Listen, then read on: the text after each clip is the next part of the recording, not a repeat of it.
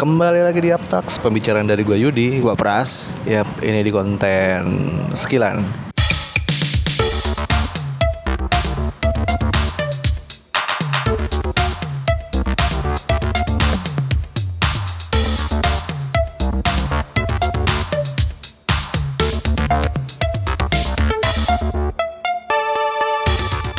Sekilan. Abis pamit gak jadi. kan? Habis pamit ya jadi. Ternyata kita Ketularan masih youtuber-youtuber. Iya. Tai banget. Ternyata kita masih butuh ini ya, masih butuh konten-konten dari berita. Pas ngomong eh, ini episode terakhir dari Sekilan, sebenarnya ada lagi tuh. Bilangnya, tapi bu, Tapi bu, kecil suara dia. kecilin. Tai banget. gue mikirnya kan pengen gue jadiin highlight gitu loh maksudnya kayak segmen aja di diksi cuman gue Nah. mikir kayaknya emang kudu ada deh apa namanya Ada buat konten-konten. Iya. dari berita gitu loh Berita-berita yang ini ya, Heeh. yang hot-hot. hot ya nggak hot, Hot. juga sih tapi Nggak hot banget sih. eh, begitu emang mampunya bisa dibahas ya kita bahas aja Yoi. kita obrolin aja gitu by the way apa kabarnya nih pres Sehat, minggu nih kita nggak ketemu Iya, lu gimana sehat? Alhamdulillah sehat. Nih berita kali ini apa nih? Udah langsung gitu ya? Langsung aja ya. iya. Oke. By the way kita lagi di luar nih, vape-nya makanya agak-agak rame gitu. Agak-agak bersahabat ya. Ah, iya benar sih, agak Bersahabat. kurang bersahabat ya. Nih berit di sini kita eh, menyajikan dua berita aja kali ya. Iya dua berita. Ah, yang pertama ini eh, kita kutip dari Kompas. Ah, di sini headline-nya tiga hari sekolah. Ini enam alasan Kaseto usulkan hal ini ke Mendikbud si Nadiem, Men- Mendikbud baru. Oke, kok foto kasetnya udah menua ini ya? Sudah menurut. Tapi awet muda, selalu dipanggil kak. Oh iya. selalu dipanggil kak. Gue sliding. Kakak aja segini apalagi bapaknya. Iya makanya. Pak. Tapi emang emang itu yang jadi terlihat muda ya karena dipanggil kak ya. Mungkin. Ini Lu sama Kak Yudi mau? Cie. Kak Yudi. Tapi ini di sini nih kita kutip dari Kompas ada enam alasan Kak Seto ngusulin eh, hal yang ada di berita ini Iya. ke Mendikbud baru, nah si Nadiem ya kan. Oh iya. Eh, Langsung dikasih saran ya. iya gila. Ini eh, baru ngasih saran ya, bukan rumor, bukan apa. Bukan hoax, bukan rumor Eh, ya. Baru ngasih Saran. saran, usulan gitu loh. Jadi jangan pada protes dulu. Eh kok apa kontra biarin enggak apa-apa ya. Cuman protes-protes Nggak, jangan. se- Sebetulnya kenapa kita apa eh, ngobrolin berita ini karena memang ya tiga hari sekolah gitu kan kayak Iya. hah gimana coba tuh Yang tadinya sekolah lima hari ya. Berapa hari sih sekarang? ada lima hari ada enam hari sih Maksudnya seminggu lah. ya kecuali- seminggu. kecuali minggu. pokoknya ada yang cuma sampai hari Jumat Ah. Sabtunya eskul ada juga yang Sabtunya masuk Masuk belajar. Heeh. Tapi ini tiga hari doang men.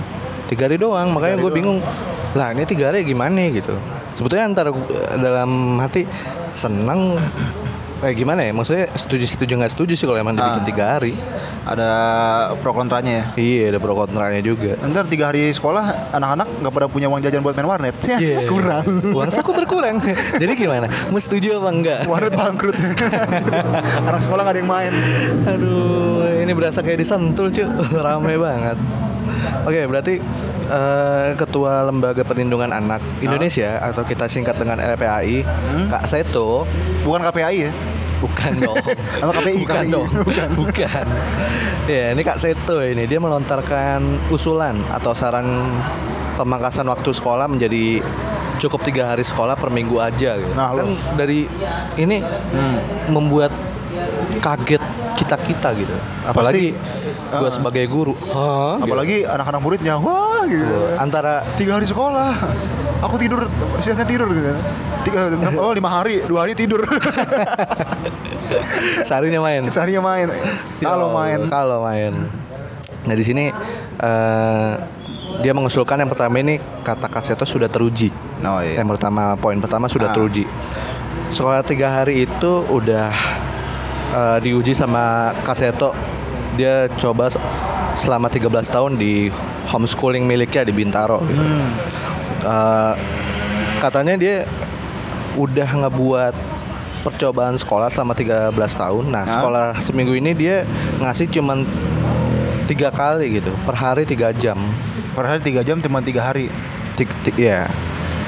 Bentar ya, bentar. Sebagai pembanding, Ah. Kaseto juga memiliki sebuah sekolah formal Mutiara Indonesia Internasional bekerja sama dengan Universitas Cam Cam ah, Cambridge. Cambridge. Iya, Cambridge. Cambridge.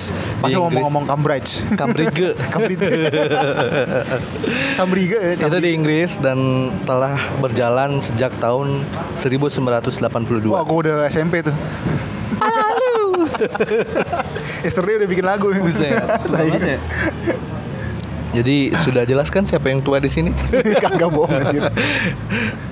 Tiga hari katanya dia nyoba di homeschoolingnya ya. Homeschoolingnya. Ya, menurut tuh gimana menurut tuh menurut lu? Menurut gue ya nyoba di homeschooling tiga hari ya. Homeschooling tapi ada sih homeschooling yang bukan Ada. bukan di rumah gitu. Ah. Emang ada lembaganya gitu.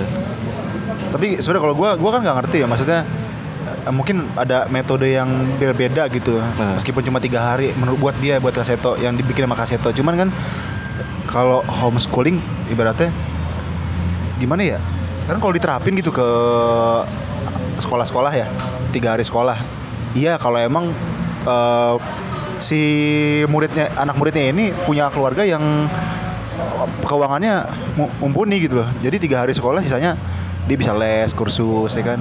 It, ya itu Nah, memang kalau s- eh, konteksnya itu memang orang keluarga yang berada gitu. Ah, bid- apa jadi Tapi- di nah. luar jam, tiga ketiga hari sekolah itu dia bisa jadi apa ikut mungkin ikut eh, kursus atau segala macam yang ngasah kemampuan bakatnya skillnya gitu kan cuman bayangin kalau emang dia keluarga yang nggak mampu gitu eh, sekolah gratis terus cuma tiga hari dia nggak punya uang buat les ya kan gue untuk kursus Iya.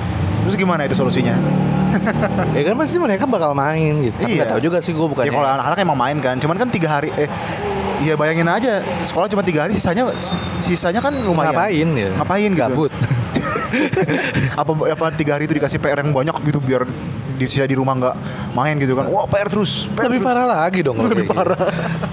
Tapi kan Nightmare. memang ya ini menurut gua koreksi nih kalau salah.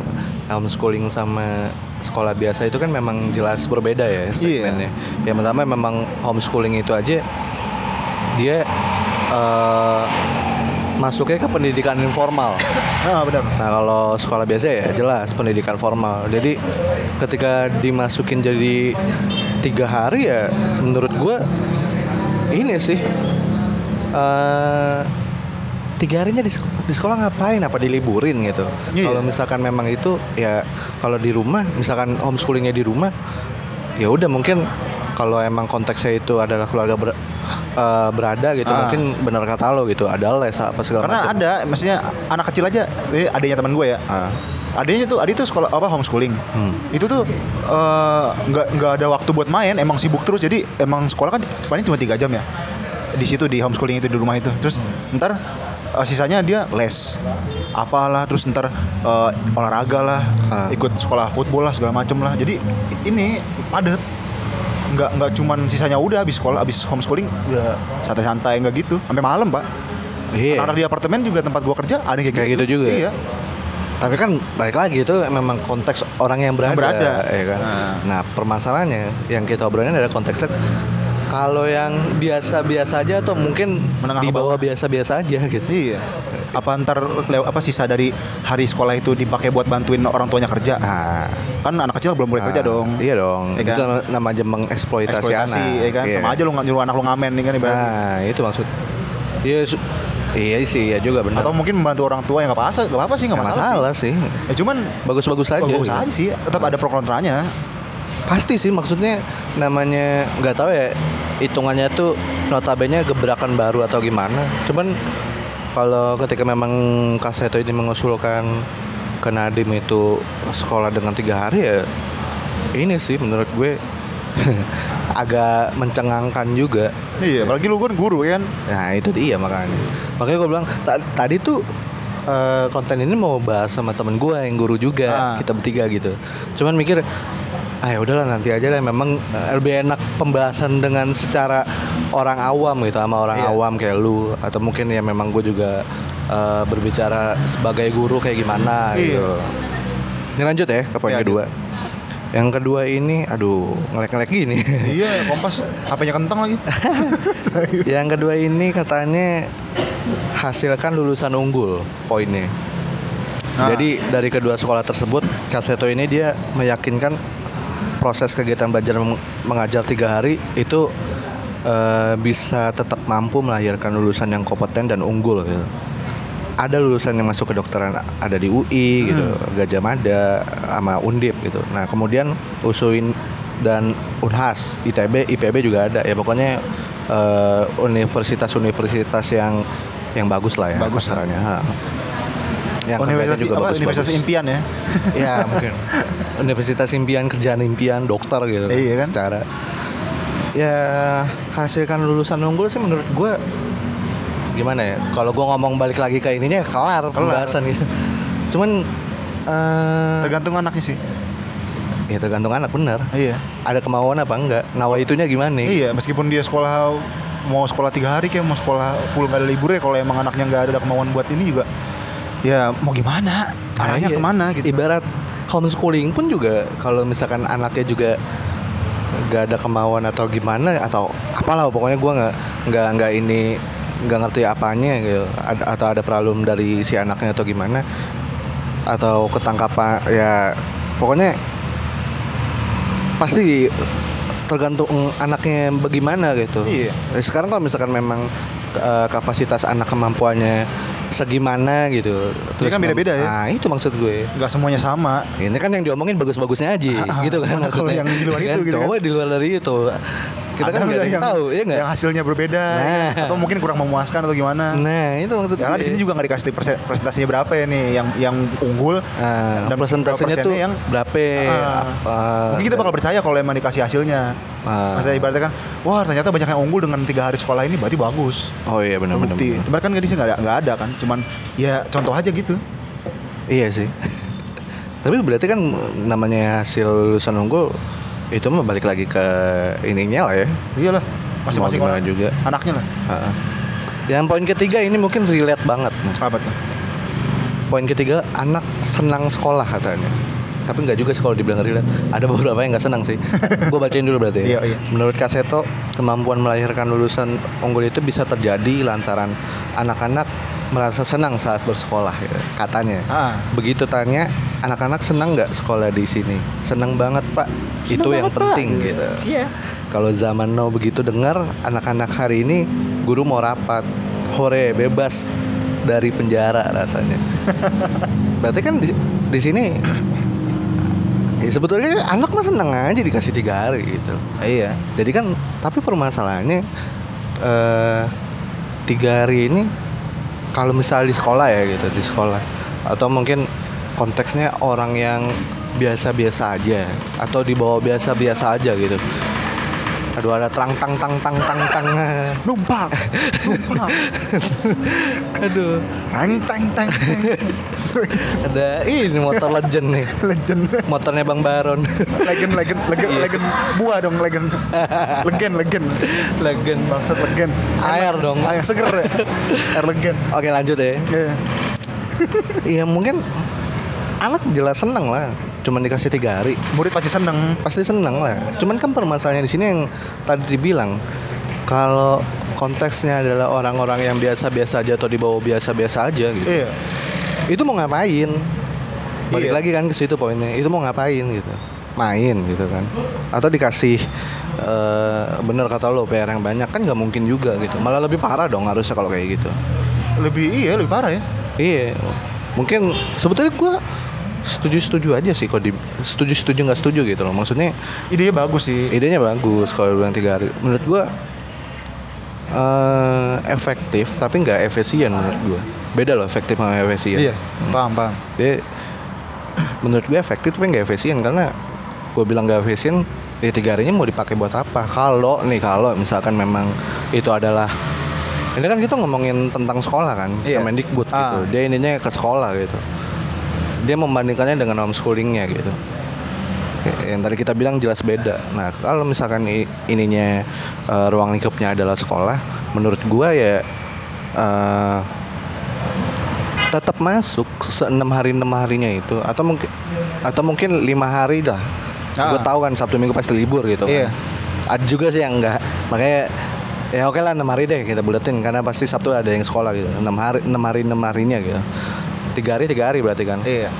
Kal kalau lebih enaknya menurut gua tiga harinya oke KBM kegiatan Ah. belajar mengajar nah tiga harinya lagi tetap di sekolah hitungannya tetap absen tetap ada nilainya tapi ya aktivitasnya aktivitas di sekolah entah itu eskul ah, ada kegiatan pengembangan skill gitu ya, ya. atau pengembangan diri gimana jadi menurut gua ya ada kegiatan-kegiatan motorik jadi nggak di rumah doang. Ibarat gini lah kan kalau misalkan sekolah kayak gitu ibarat tiga hari libur ada juga orang tua yang dua-duanya kerja. Iya. Nah di rumah ngapain gitu loh maksud gue kalau kayak gitu? Nggak terkontrol dong. Nah itu. Lu ngerti maksud gue?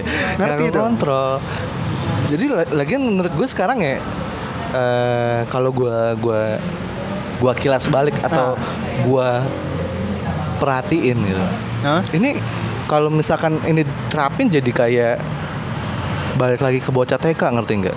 Ibarat kayak belajar sambil bermain Kalau ibarat Oh, iya, iya, tiga iya. hari apa ya ya kalau kalau gue ngerasanya sih gitu ini kok jadi kayak eh, gua ngelihat anak-anaknya jadi maksudnya di sekolah gua sendiri lah tempat Ah. gua ngajar ngerasa juga kayak mungkin emang sekolah gue yang santai kali ya Santuy. Eh, sekolah gue yang santuy jadi kalau menurut gue kalau misalkan ada diterapinnya tiga hari ini ya gue ngerasa jadi kayak kilas balik ke TK jadi kayak belajar Iya, bermain jadi sih kayak sama sama. TK gitu loh. Iya, gue ngeliatnya sih kalau misalkan diterapinya kayak gitu gitu. Tapi kalau misalkan di sekolah. Kalau misalkan mudah-mudahan sih kayak ide-ide lu ter, ter ini ya, ter, ter ya sinyalnya hilang. Nggak apa-apa lanjut ya. Misalkan- Misalkan, Kayak ide lu gitu, mis, Ah. tiga hari sekolah, eh, tiga hari apa ABM ya? Ah. Tiga harinya lagi masih di sekolah tapi nggak ada kegiatan gitu. motorik lah. Motorik. Entah itu eskul atau apa atau ya pokoknya Bagus lah ini. Misalkan gini, jadi Pengembangan minat dan bakat lah kasarannya. kayak misalkan kayak ada, jadi eh, kan lu tahu kan kayak sparring-sparring antar sekolah kompetisi Oke. gitu kan nggak harus nunggu kelas meeting gitu. Ah. Jadi da- dalam waktu tiga hari setelah pelajaran itu wih, bisa banyak event yang ngembangin prestasi anak murid-muridnya Iya. gitu.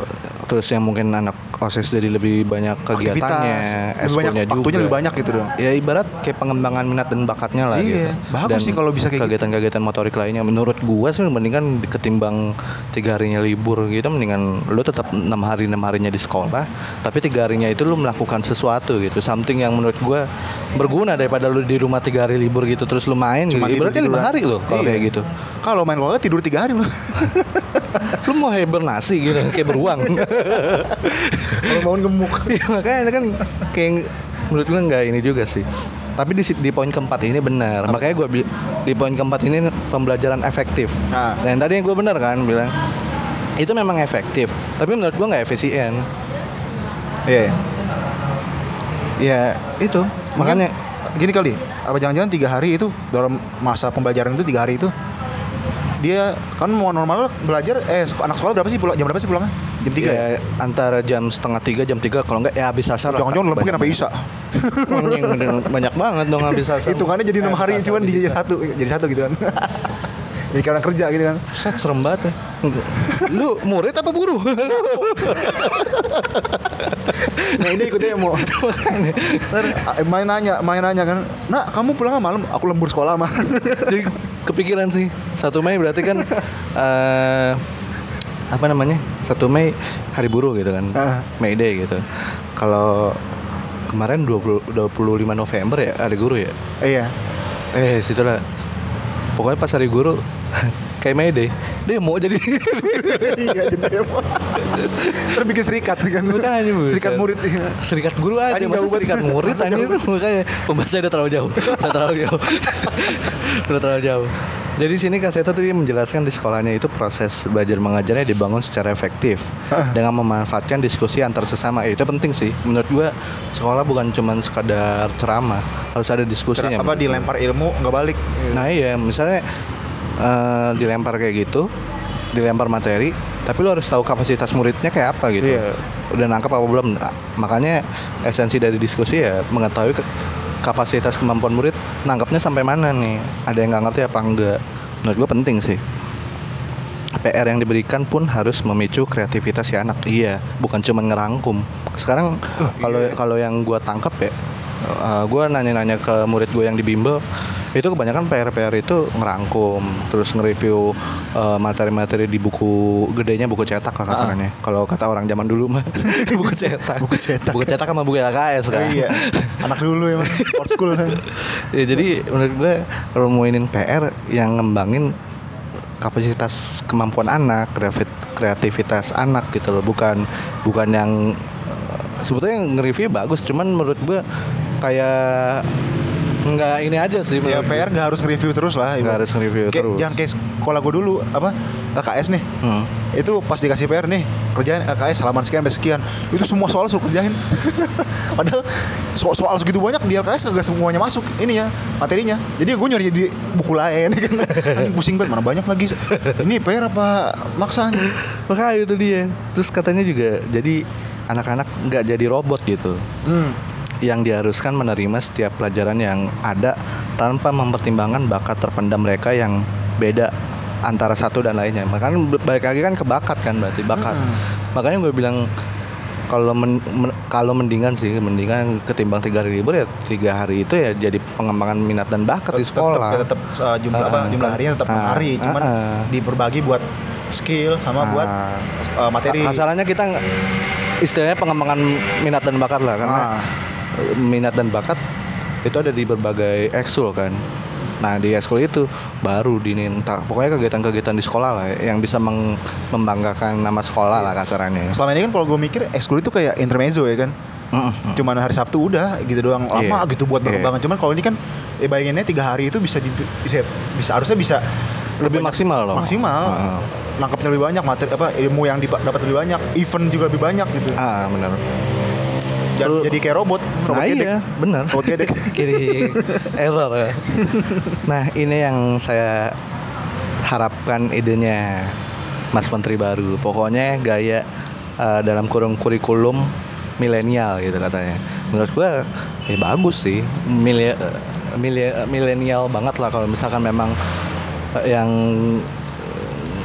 ya yang mending tadi yang kita obrolin gitu. Kalau cuma tiga harinya libur sih jadi lima hari libur dong.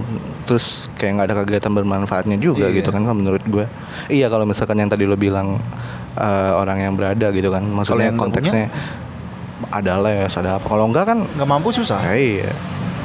Minimal minimal kalau misalkan emang sekolah-sekolah yang eh, di bawah biasa-biasa aja. Jadi eksploitasi anak yang tadi kita iya pamen lah nyari duit apa nyari segala duit macem. segala macem nyalahi aturan Nah kan yang gue bilang juga apa poin kelima di sini pengembangan minat bakat. Iya, bener gak yang ngomongnya emang otak-otak guru tuh gitu. Oh, ayo otak-otak. Jadi tuh ud- udah udah ini mak- maksudnya lama kelamaan berkesinam- berkesinambungan gitu loh apa yang diobrolin ya. Nah ini poin kelima nih jadi kayak pengulangan sih cuman nggak apa-apa lah. Poin kelima ini Ah. pengembangan minat bakat. Jadi tadi lah ya. Ah, kita ini dulu ya kita baca terkait itu usulannya memotong jam pelajaran sekolah. Kaseto di sini dia menilai anak-anak eh, memiliki kesempatan mengembangkan minat bakat ya, nggak hanya berprestasi di bidang akademis, harusnya juga di non akademis gitu lah. iya Kak Seto dia menyampaikan kalau siswa binanya di sekolah itu banyak menjadi pengusaha hingga atlet yang udah berlaga di kancah internasional. Ada yang tunarungu, ada eh, putran oh ya ada yang tunarungu. Itu Hah? putranya Mbak Dewi loh yang lulus Oh, iya. diundang Ratu Elizabeth di, di London. Karena dia mampu memotivasi sesama tunarungu. Ya bagus sih. Nah maksud gue pengembangan minat bakat ini menurut gue anjir. Gile. Balapan dia kayak tapi bisa jadi. Maksudnya kan tadi eh, bisa jadi di sekolah juga maksud gue karena kan di sini kalau kita balik lagi ke obrolan sebelumnya dia bilang sehari cuma tiga jam. Sehari tiga jam doang? Ya kan? Iya. Tiga jam ya berarti kan lebihnya kosong banget tuh. Iya. nah itu mungkin eh, maksudnya kaseto di sini pengembangan minat bakatnya setelah dari tiga jamnya kali ya. Mungkin. Tapi maksud gue jadi nggak kepake banget tuh tiga tiga hari Sisa tiga harinya harinya gitu, itu ya. menurut gue sayang aja ya mendingan dipakai minat bakatnya di situ di hari ketiga Ah, hari sesudahnya iya. itu jadi full seharian itu buat pengembangan ya kan Ya maksudnya lebih banyak lebih bisa ma- masuk lah. Iya, iya, benar. nggak capek duluan si muridnya itu. Iya benar-benar.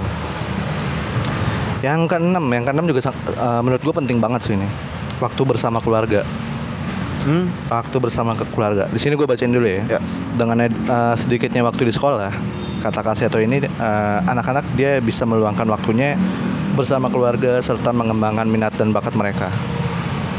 Ya balik lagi, karena kan jadi diputar-putar sih sebetulnya, tapi ya nggak apa-apa lah. Itu kan kalau konteksnya dengan keluarga yang berada. Ah. Dia bilang kan katanya waktu bersama keluarga serta mengembangkan minat dan bakat mereka. Berarti kan mengembangkan minat dan bakatnya itu di luar dari sekolah kan. Oh. Nah, minat dan bakat itu mungkin yang masuk yang yang kita maksud dari les-les itu kali ya. Iya itu. Ya menurut gua ya nggak apa-apa sih. Cuman kan intinya sih gue lebih lebih kayak ini aja sih. Tiga harinya tuh mau dipakai buat apa? Ya, sekarang kasih tuh ngasih gini ya. Sisanya tanggung jawab sekolah gimana? Ah, Pihak pihak sekolahnya mau kayak gimana? Mau benar-benar tok tiga hari atau emang sisanya buat tiga pengembangan hari itu? mau dip- dipakai buat full banget plus sama pengembangan bakat di sekolah dan tiga harinya dipakai buat waktu sama keluarga dan eh, pengembangan minat dan bakat di luar dari sekolah apa mau kayak gitu gitu Iya. kan maksudnya Heeh. Sis- Balik lagi ke sekolahnya nanti gimana? ya nggak apa-apa sih sekolah. gue menurut gue setuju setuju aja tapi kan nggak semua keluarga nyokapnya di rumah gitu kan Iya, karena di satu iya. sisi orang tua gue dua-duanya kerja, kerja. Kan gini deh, simpel aja deh. Anak STM, Ah. sekolah tiga hari, tiga harinya Oh, baru seneng banget, cu. tawuran. Tawuran lah, apalagi kan passion dia itu doang. Calon-calon ninja ya kan. Iya, kan gue ngajar STM ya. Iya, lu gua- ngajar guru STM. Iya, maksudnya gue gue suruh pokoknya telat lah. Itu telatnya udah nggak bisa ditolerin kasarannya. Akhirnya gue pakai uh, sanksi inilah, sanksi kayak hukuman push up gitu Iya. segala macem. Tapi push up gue beda kan. Satu turun tahan gitu, Oh. Gitu, set. Mampus, Terus mampus. langsung gitu kan. Tapi gue ngitungnya lima nggak Iya. banyak. Terus gue Kenapa nggak kuat? Lu tawuran ya kenceng banget lu.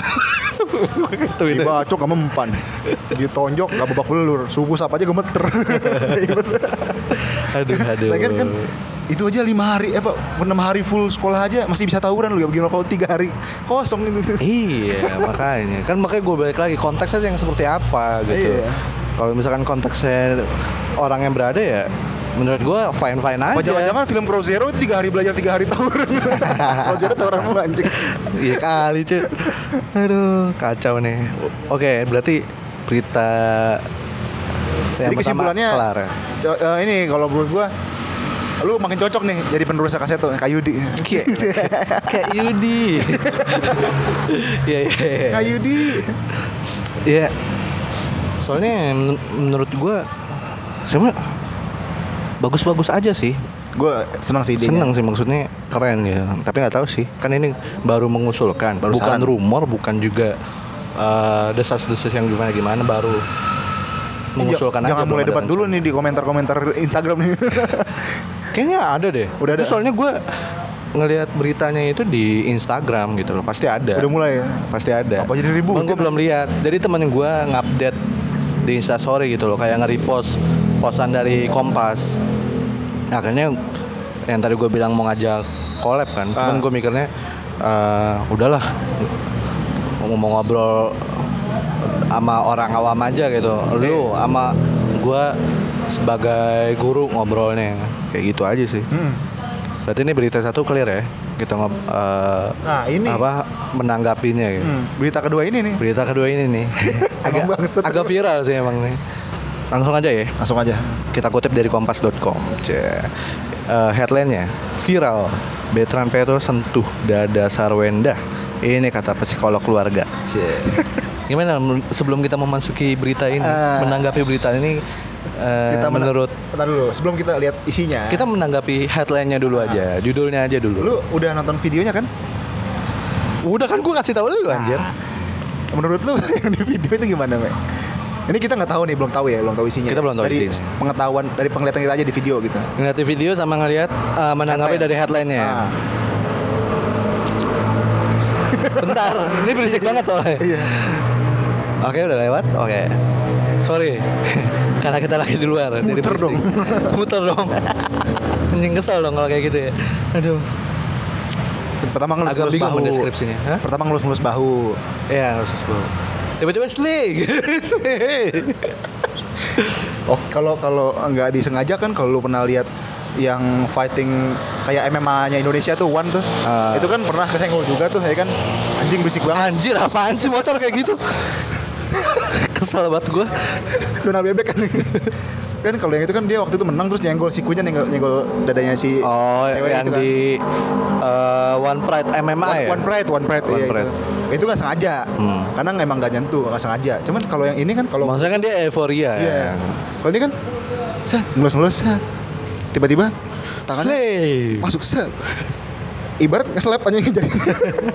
Kalau main bass tuh kan kalau gitu. Enggak, maksudnya kita tahu gitu loh sengaja atau nggak sengaja kalau nggak nggak sengaja mungkin mungkin si We- Sarwendanya ini agak ke sini terus jadi kesentuh Iya. karena ini. Ini kan jelas-jelas nyamperin gitu loh. Ya, makanya jarinya bisa jalan sendiri anjing. Aduh. Gitu. Emang temen gue juga rada-rada sih anjing ngirim kayak gitu kan gue bilang di line Ah. akhirnya itu gue lihat set ah gue download lah gitu kan maksudnya wah ternyata ada beritanya juga kan kayak wah boleh nih lah masukin skillan gitu. Akhirnya skillan gak jadi tutup. Mau tutup? Tapi bohong. tapi bohong. Oke ini eh, berita kedua ya. Berita kedua headline-nya tadi udah kita baca. Sekarang kita gue bacain dulu beritanya. Keluarga Ruben keluarga Ruben Onsu kembali menjadi perbincangan di media sosial Usai pro dan kontra mengenai pemberian ASI milik Sarwenda kepada Veteran Peto, kini warganet berkomentar mengenai Veteran Peto yang menyentuh dada Sarwenda pada sebuah acara. Sekarang kita eh, menanggapi soal pemberian ASI ke veteran deh. Iya. Ya, menurut gua gimana ya? Udah umur yang yang gua dapat dapat dia umur 13 tahun. 13 tahun. Ya, 13 tahun. Ya di um, SMP, SMP. SMP kelas 2. Ah. Secara akademisnya kelas 2 sih. Eh, kelas 1 deng. Eh, kelas 1 kelas Pokoknya udah masuk SMP lah. Udah SMP lah Udah, ya? udah hitungannya udah mulai gede lah. Aha. Ya menurut gua aneh aja sih. Apalagi ke, eh, yang gua baca-baca beritanya dia bukan bukan dari keluarga yang eh, apa ya? Maksudnya bukan bu- benar-benar yang ini dia punya keluarga, dia tinggal di kakek sama neneknya. Anjir gua sampai sampai searching dong Iya, biar nggak nggak apa-apa ini ya, banget jadi bagus dong. Iya, biar Kan, jelas. eh, RND kalau- kalau bahasa ininya. Jadi eh gua cari tahu cari tahu gitu. Dia tinggal bersama kakek neneknya gitu Ah. di kampungnya. Dan dia punya punya orang tua kandung. Bapak ibu gitu. ada ya? Bapak ibu ada. Dan itu kata eh, yang gua baca dari Kompas juga sih gua Oh, kutip Kompas ya. juga. Ah, dia katanya orang tuanya cerai. Oh, broken home. Ah, berarti kan dia udah pernah nyobain nasi dong kalau kayak gitu Seharusnya ya. sekarang kalau misalkan dia tinggalnya di eh, maaf maaf kata misalkan di yatim piatu atau apa Nah, gitu Anaknya itu- terbuang lah ibaratnya. ah, ibarat dibilang wajar pun nggak wajar ngapain lu minta asi gitu Iya. Dan ini lu ada keluarga kandung yang di mana memang cerai gitu. Walaupun gua nggak tahu cerainya kapan Ah. tapi kan otomatis eh, waktu lo kecil lu dapat asi dong. Nggak mungkin lo kangen sama asi tiba-tiba gua ngomong sama gua gua kangen asi kan nggak mungkin dong. Iya nggak? Iya. tiba-tiba lo ngomong ke emak lo gue udah udah ya ini apa udah SMA ya lulus lulus SMA gitu mau kuliah. Mah aku nasi mah kan nggak mungkin dong ya kan? Iya. terus penasaran rasa asi kayak apa? Kan gimana gitu? Kurang kalau kata Kurigo mengganggu. Nggak nggak ini banget anjing nggak make sense banget gitu loh. Maksudnya udah Iya, udah gede. makanya itu dia. Tapi harusnya eh, menurut gue ya nggak usah dikasih tapi dikasih penjelasan menurut gue iya. Sarwenda itu harusnya ngasih penjelasan kayak ya kamu udah umur segini nah gitu kan. Apalagi kalau misalkan memang eh, keluarga dari Onsu ini dia tahu kalau dia sebetulnya punya keluarga kandung. Cuman memang cerai katanya. Ah. ya seharusnya kan memang berarti dia udah- tahu dong. Dan menurut gua ibarat dia kayak penasaran ataupun dia kangen rasa asi mungkin gue juga nggak tahu. Iya. Tetap menurut gua nggak wajar lah. Gini misalkan Walaupun itu bukan dari eh ininya langsung ya. Eh, diperah dulu. Iya, tapi kan gini loh. Kalau misalkan apa namanya? Mungkin ya, mungkin. Gua nggak tahu nih. Ini pendapat gua aja. Jadi serah pada mau ngomong gini. Gini. Jangan-jangan peresmian dia sebagai anak itu dikasih ASI. Mungkin gak sih? Misalkan kamu udah jadi anak kita nih. Gimana gimana maksudnya? misalkan seorang anak anak anak ini gue nggak bilang anak ke dia ya maksudnya Heeh. ada anak diadopsi terus mungkin ya eh, untuk meresmikan dia sebagai ibunya ibu ibunya sekarang dikasih asi lah kalau masih kecil mungkin nah, kalau udah gede mau kayak gitu Iya makanya. dikasih set bukannya seneng, Mungkin. bukannya ini malah wow merasa dia terlahir kembali kali makanya dia pengen eh, penasaran sama Ya, cuman kayak SMP, apa. Pak. Ya itu dia. Maksud gue kan harusnya ada penjelasan dong. anak SMP nggak mungkin nggak tahu bokep Iya, iya. Ya Gue kan? juga, gua juga Pasti gitu udah sih. tahu Pasti udah segitu. tahu. Apalagi walaupun kita di satu sisi nggak tahu lingkungannya eh, iya iya eh, anak tersebut atau latar belakang anak tersebut kayak apa kita nggak tahu kan. Ah. Mungkin juga entah keluarga dari Onsu ini juga tahu apa enggak juga kita kan nggak tahu juga gitu. Cuma menurut gue menurut menurut gue ya agak nggak wajar aja lah. Ya udah nggak waktunya udah bukan waktunya lagi gitu loh udah bukan Hmm. saatnya dia nyobain asi udah udah udah enggak lah meskipun kecilnya dia nggak pernah dapet asi udah umur segitu ya nggak usah Iya lah bener. buat apa nih udah beli DNK aja sono kalau nggak elemen Biar jadi kuat. Iya, kuat Lanjut Aku orang ya. kuat Heeh. Video tersebut merupakan potongan Instagram story, Insta story lah, di akun media sosial milik Ruben Onsu. ya upload cuk Ya kan dia ada acara, bukan bukan apa enggak enggak kali kan, awalnya Nah iya, mungkin ya kan netizen udah tahu sendiri lah. Iya, iya, kayak jeli. apa? Jeli, kayak gitu-gituan. Banyak nah kan benar wajah banyak warganet yang membela Sarwenda. Banyak pula yang memberikan pandangan miring. Nah, psikolog anak Ah. dan keluarga eh, yaitu Astrid Wen, dia angkat bicara mengenai hal ini. Sebelum lanjut, se- sebetulnya gue penasaran sih si Ruben Onsu ini dia mengangkat Betran ini sebagai mengadopsi, iya mengangkat Betran ini sebagai anaknya. Itu atas dasar apa ya? Gue juga bingung. apa karena suaranya yang bagus Iya memang Atau karena emang- suaranya bagus. maaf, maaf ya oke. si pasangan ini merasa nggak mampu punya anak gitu ya sampai sampai segitunya ngadopsi anak gitu kan bisa Nggak jadi mungkin, nggak mungkin. kan ada juga yang begitu Ya ada, cuman menurut gua nggak mungkin karena dia aja setahu gue baru lahiran juga anjing gua update banget soal, Iya kan? soal gosip. Nah, ya, maksud gua yang, yang paling bontot aja itu masih kecil banget, masih masih butuh? ASI gitu kan. Berarti kan namanya baru lahir ya otomatis masih bisa bereproduksi dong ya kan. Berapa sih anaknya? Dua. Lantas- Sekarang tiga jadi beta. Lantas mengapa mengadopsi? Ya kan makanya gue nanya ini Nah, atas dasar apa? kalau menurut Kalau atas dasar suara ya, Ah, suaranya bagus. Kenapa nggak diangkat aja jadi Ja- nyanyi. Iya, lu produserin gitu maksudnya. Ketimbang lu angkat jadi anak. Menurut gua sih. Iya. Apa nggak terlalu berlebihan gitu? Ya menurut mereka sih enggak. Kan menurut sebagian orang kan bisa aja, oh, tentang suara bagus langsung jadi anak gitu. Iya makanya. Atau mungkin ada poin lain ya yang akhirnya mengangkat si Betran ini jadi anak mungkin emang simpati keluarga dia. rasa simpati gitu loh maksudnya ya ini anak udah suaranya punya bakat tapi broken home ya kan Iya. gitu bisa jadi sih Bisa jadi. Makanya itu dia. cuman kan nggak nggak harus menyentuh bagian astral Pak. Kok Astra kan jelas terlihat. nggak terlihat tapi Oh, ada iya, gitu iya. Bener juga sih. Ini cukup cukup ini juga sih mencengangkan juga sih. Iya. Tapi kalau ngeliat dari tingkah lakunya, eh, menurut gua agak gimana gitu.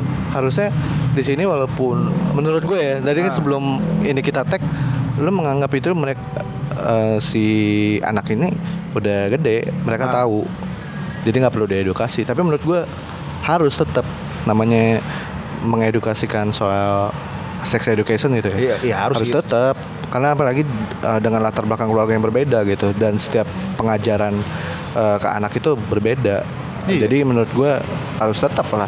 kalau andai kata nggak dikasih sex education yang bener bener kata lu tadi sebelum tag ntar gimana ke adik-adiknya Nah, apalagi ada adanya cewek loh. udah misalkan udah dibiasain gitu atau mungkin emang bercandanya dia sama si Sarwenda itu sebagai anak dan ibu sampai sentuh-sentuhan atau colek-colekan gitu kan Ha. di luar video itu loh secara Tapi kita nggak tahu. kita nggak tahu Kita nggak nggak tahu ya tahu. ini kan cuman asumsi Uh, aja Asumsi aja. sampai akhirnya di video kelepasan gitu kan dan Sarwendahnya nolak karena emang di, di tag kan kena orang bisa lihat gitu kan tapi kalau emang keterusan begitu ntar ke adek adeknya ada kata bener begitu ya di luar Iya. di, di luar di luar ini apa eh, TV itu segala macam ntar adik-adiknya ini dong bisa berbuat seenaknya dong Itu dia, apalagi ibarat dia kakak pertama loh. Iya. Dan eh, otomatis kalau nggak disegerakan namanya education, takutnya ya yang ada adanya nurut aja apa kata kakaknya. Yang kita khawatirkan seperti itu. Iya. Bukannya bukannya eh enggak sih kalau dibilang hujatan jelek enggak maksudnya kan ini yang malah dikhawatir dikhawatirkan berarti kan kita peduli dong, Iya dong. sama keluarganya dia kita nggak cuma ngegibahin Gitu. doang iya makanya Tapi ya, em- emang penting sih namanya sex Iya. education ibarat mau itu udah besar maupun itu masih kecil menurut gua nggak ada kata terlambat soal itu masih masih harus. Mau sampai remaja juga udah harus kok masih kok. Iya lah, biar nggak salah ya kan ibarat. Betul. Ini poin pertama ya yang diungkap sama uh, psikolog anak. Poin yang pertama itu belum tentu disengaja. Eh, iya kita nggak bisa berasumsi jelek.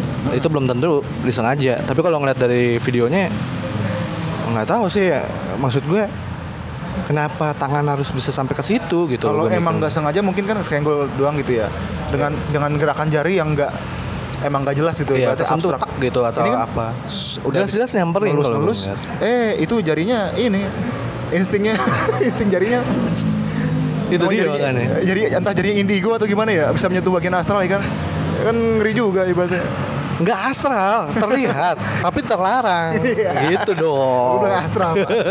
Ya kayak jinnya kan gitu kan astral Makhluk astral Tapi ada gitu Oh, iya. Dirasain anget kagak cuy terlihat jelas Terlihat tapi jelas. terlarang ini kita gue bacain dulu ya Iya iya iya Usai menonton video yang viral tersebut, si psikolog Astrid ini dia berpendapat kalau kita nggak bisa menyalahkan anak asuh Sarwenda. hmm.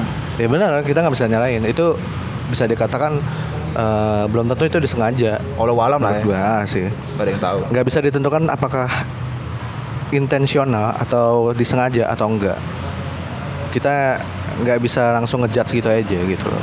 Tapi kalau cara kalau dari ceritanya Hah? dia si veteran ini yang nggak pernah dapat asi sebelumnya dan lain-lain mengingatkan kita akan pentingnya edukasi seks sejak dini. Benar apa kata gua kan? Iya Kan gue bilang sex education itu penting ibarat mau itu udah remaja apalagi remaja.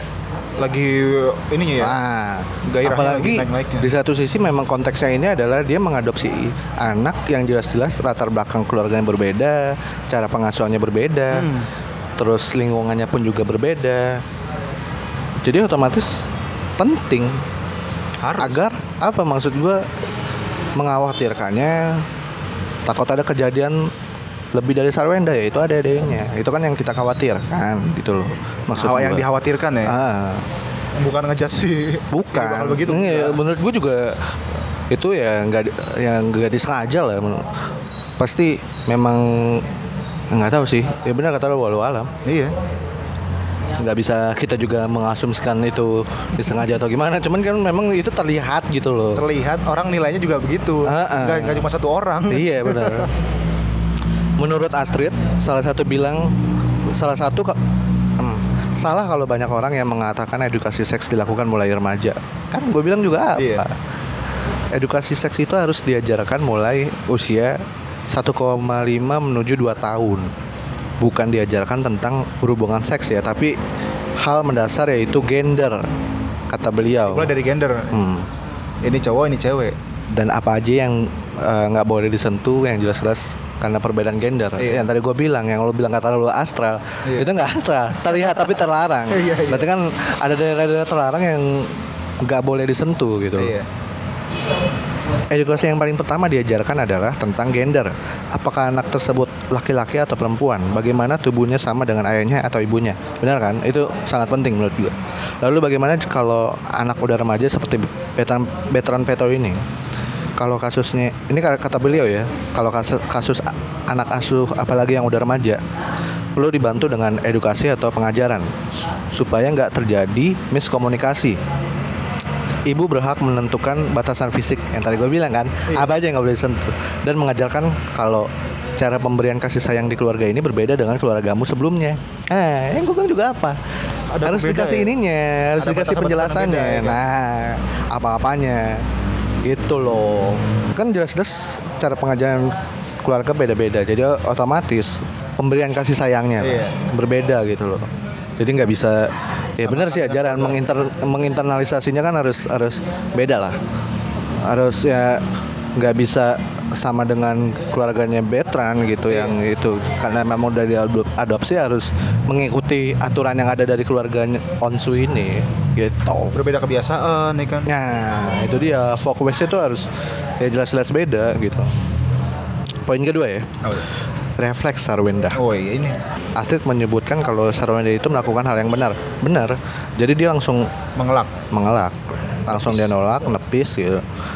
Ini menurut beliau ya, eh, kata beliau kalau saya lihat di videonya Sarwenda, itu refleks menepis tangan anaknya.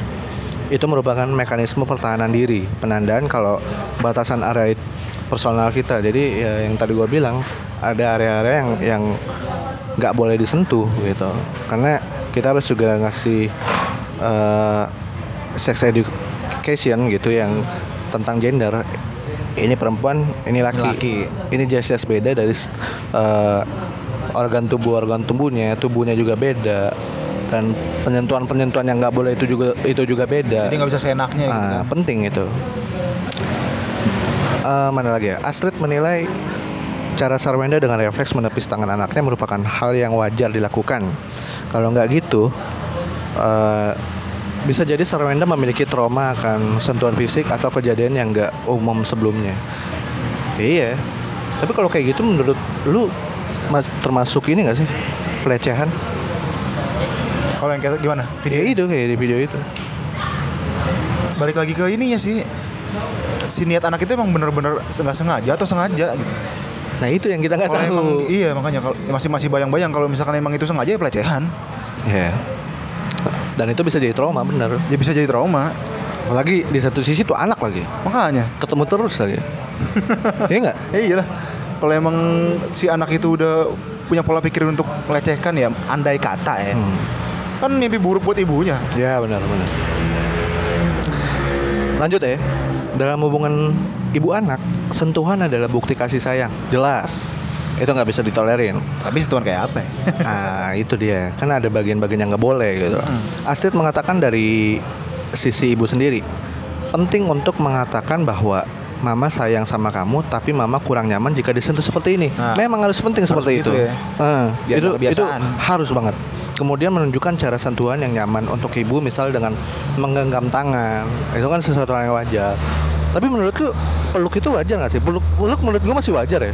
Wajar kok. Wajar ya. Wajar. Masih wajar lah itu. mah, Seorang anak sama ibu, ya Ah meskipun itu anak angkat meluk ya wajar. masih wajar tapi kalau udah yang seperti itu menurut gua udah nggak wajar ibarat itu kita nggak tahu disengaja atau nggak disengaja tapi menurut gua udah salah Menurut gua si Ruben sama si Sarwenda ini harus masukin pola pikirnya si siapa anaknya Betran ya. ya. Sup- supaya ibaratnya ngilangin pandangan-pandangan kotor ke ibunya gitu loh. Misalkan ibunya seksi gitu kan, wah ibu aku seksi, harus hilang gitu. Itu ibu lu nggak boleh. Gitu. I- ya itu maksud gua kan makanya Ya, gimana caranya harus bisa iya si orang tuanya itu. Kalau nggak bisa ya berarti mereka gagal. nah makanya pentingnya itu sex education mana ya edukasi seperti ini akan berpengaruh terhadap relasi pertemanan dan percintaan si anak masa mendatang ya benar Eh, menurut Astrid cara kita memberikan batasan juga akan dicontoh oleh anak dalam relasi pertemanan atau dengan lawan jenisnya ya kan Iya. jadi nggak bisa sembarangan balik lagi ke omongan gender ya jelas beda perempuan dengan laki-laki Nah, itulah abis ternyata berarti intinya lebih harus lebih meng apa sih namanya? mengutamakan sex education ya. ya sex Bukan hal education. tabu. Itu Banyak orang bilang itu tabu, kan. Orang banyak yang "Ah, bilang tabu, gitu. Iya, tapi menurut gua enggak. Malah penting. pandang- pandangan lu se- dari dari arah mana gitu bila bisa bilang itu tabu gitu kan? Bukan dari arah mana menurut gue itu malah nggak tabu Itu ada yang ada yang bilang tabu, ada yang bilang tabu coy. Iya, itu. Maksudnya ngapain ntar jadiin mesum lah? Justru mencegah itu pak. Ini justru coba kalau misal nggak tahu ya maksud gue apa yang diajarkan ke veteran ini. Cuman menurut gue ketika memang ada kejadian kayak gini entah itu disengaja atau nggak disengaja, ya berarti kan, waduh, ini gimana nih? Hmm. Eh, pemberian sex education-nya ada nggak nih sampai ada terjadinya seperti ini gitu? Ini kapan sih diangkat anaknya kapan sih? Udah lama Oh, gue nggak tahu sih. Kalau kapannya misalkan itu. baru ya mungkin belum sempet ya. Atau mungkin belum cukup sampai ke sana. Cuman mudah-mudahan sih bisa lebih lebih spesifik lagi ngajarinnya, lebih Iya. efisien lagi gitu loh. harus menurut gua harus lebih strength karena memang di sini kan lu ngadopsi dari umur remaja Iya, gitu bukan loh. dari kecil dari bayi. bukan dari kecil bukan dari bayi, Bayi bukan segini. Lu- kan kiasan Kiasan. berarti ya yang pertama itu kita ngomongin pendidikan yang kedua kita ngomongin gosip ya Masih pendidikan masih, sih. masih pendidikan berbeda. ya. Iya benar sih benar-benar. Secara general kita ngomongin tentang pendidikan. Yang pertama memang pen- pendidikan sekolah, pendidikan informal, pendidikan apa. Terus yang kedua juga uh, kita membahas tentang pendidikan seks, sex education. Itu sangat penting. Pokoknya pendidikan itu adalah penting. Saya cinta pendidikan. Emang dasar guru. Aduh. Oke deh, ini udah juga Ini mau bacain iklan ya. iklan yang mau bacain. Nggak mau, nggak mau. udah hampir sejam kita. Ada iklan judi sini ya? Iklan ada lah, kan poker. iklan berita. Oh iya. Oke ini udahin aja ya. Udahin Karena aja. memang sudah 51 menit, udah hampir Wow. sejam. Lama juga ya. Lama juga cuy. Oke deh, thank you yang udah dengerin ya. Eh, jangan lupa follow Instagram Yaptalks. Username-nya Yaptalks, Y A P T A L K S. Terus apa lagi ya? Download kita punya udah FM? Oh ya punya FM. Eh, tapi kita belum live live lagi ya. Belum. Tapi nanti lah gampang itu mah. Terus oke itu aja berarti ya. Nggak usah pakai IG personal. usah. Emang mau naikin kan? Kalau mau cari tahu cari tahu di IG. Oh iya by the way eh, Nanti Berarti ini mau nggak mau kita upload dua kali Tapi entah besok atau lusa atau pokoknya minggu ini Ah. Jangan lupa nanti hari Sabtu kalau ada yang mau ikut tanggal 14 Desember nanti eh, Asosiasi Podcast Jakarta akan kumpul di What's Good What's Good Cafe itu Pejaten. eh, di daerah Pejaten Barat eh iya Pejaten Barat sih ya pokoknya dari Jakarta Selatan lah daerah Pejaten salah. takut salah ya ya pokoknya jangan lu kalau mau datang ayo kita ngobrol-ngobrol kumpul-kumpul bareng eh, mungkin bisa belajar bareng ya kan Iya. sharing-sharing bareng Benar. tentang podcast oke Atau eh, mungkin kalau ada yang mau ngumpul bareng kita juga bisa di Komsen bekas Jat- Jati Asih. Komsen. Kita anak Jati Asih. Jati. Asih kas- eh, garis keras. Mungkin ada podcaster eh, daerah-daerah Bekasi atau Jati Asih sekitarnya. Iya. Boleh kita gabung-gabung cie gitu. Siap. Oke deh. Eh gue Yudi pamit undur suara. Eh, gua Pras Jackson pamit undur diri. Oke, sampai ketemu di episode selanjutnya. See you. Bye.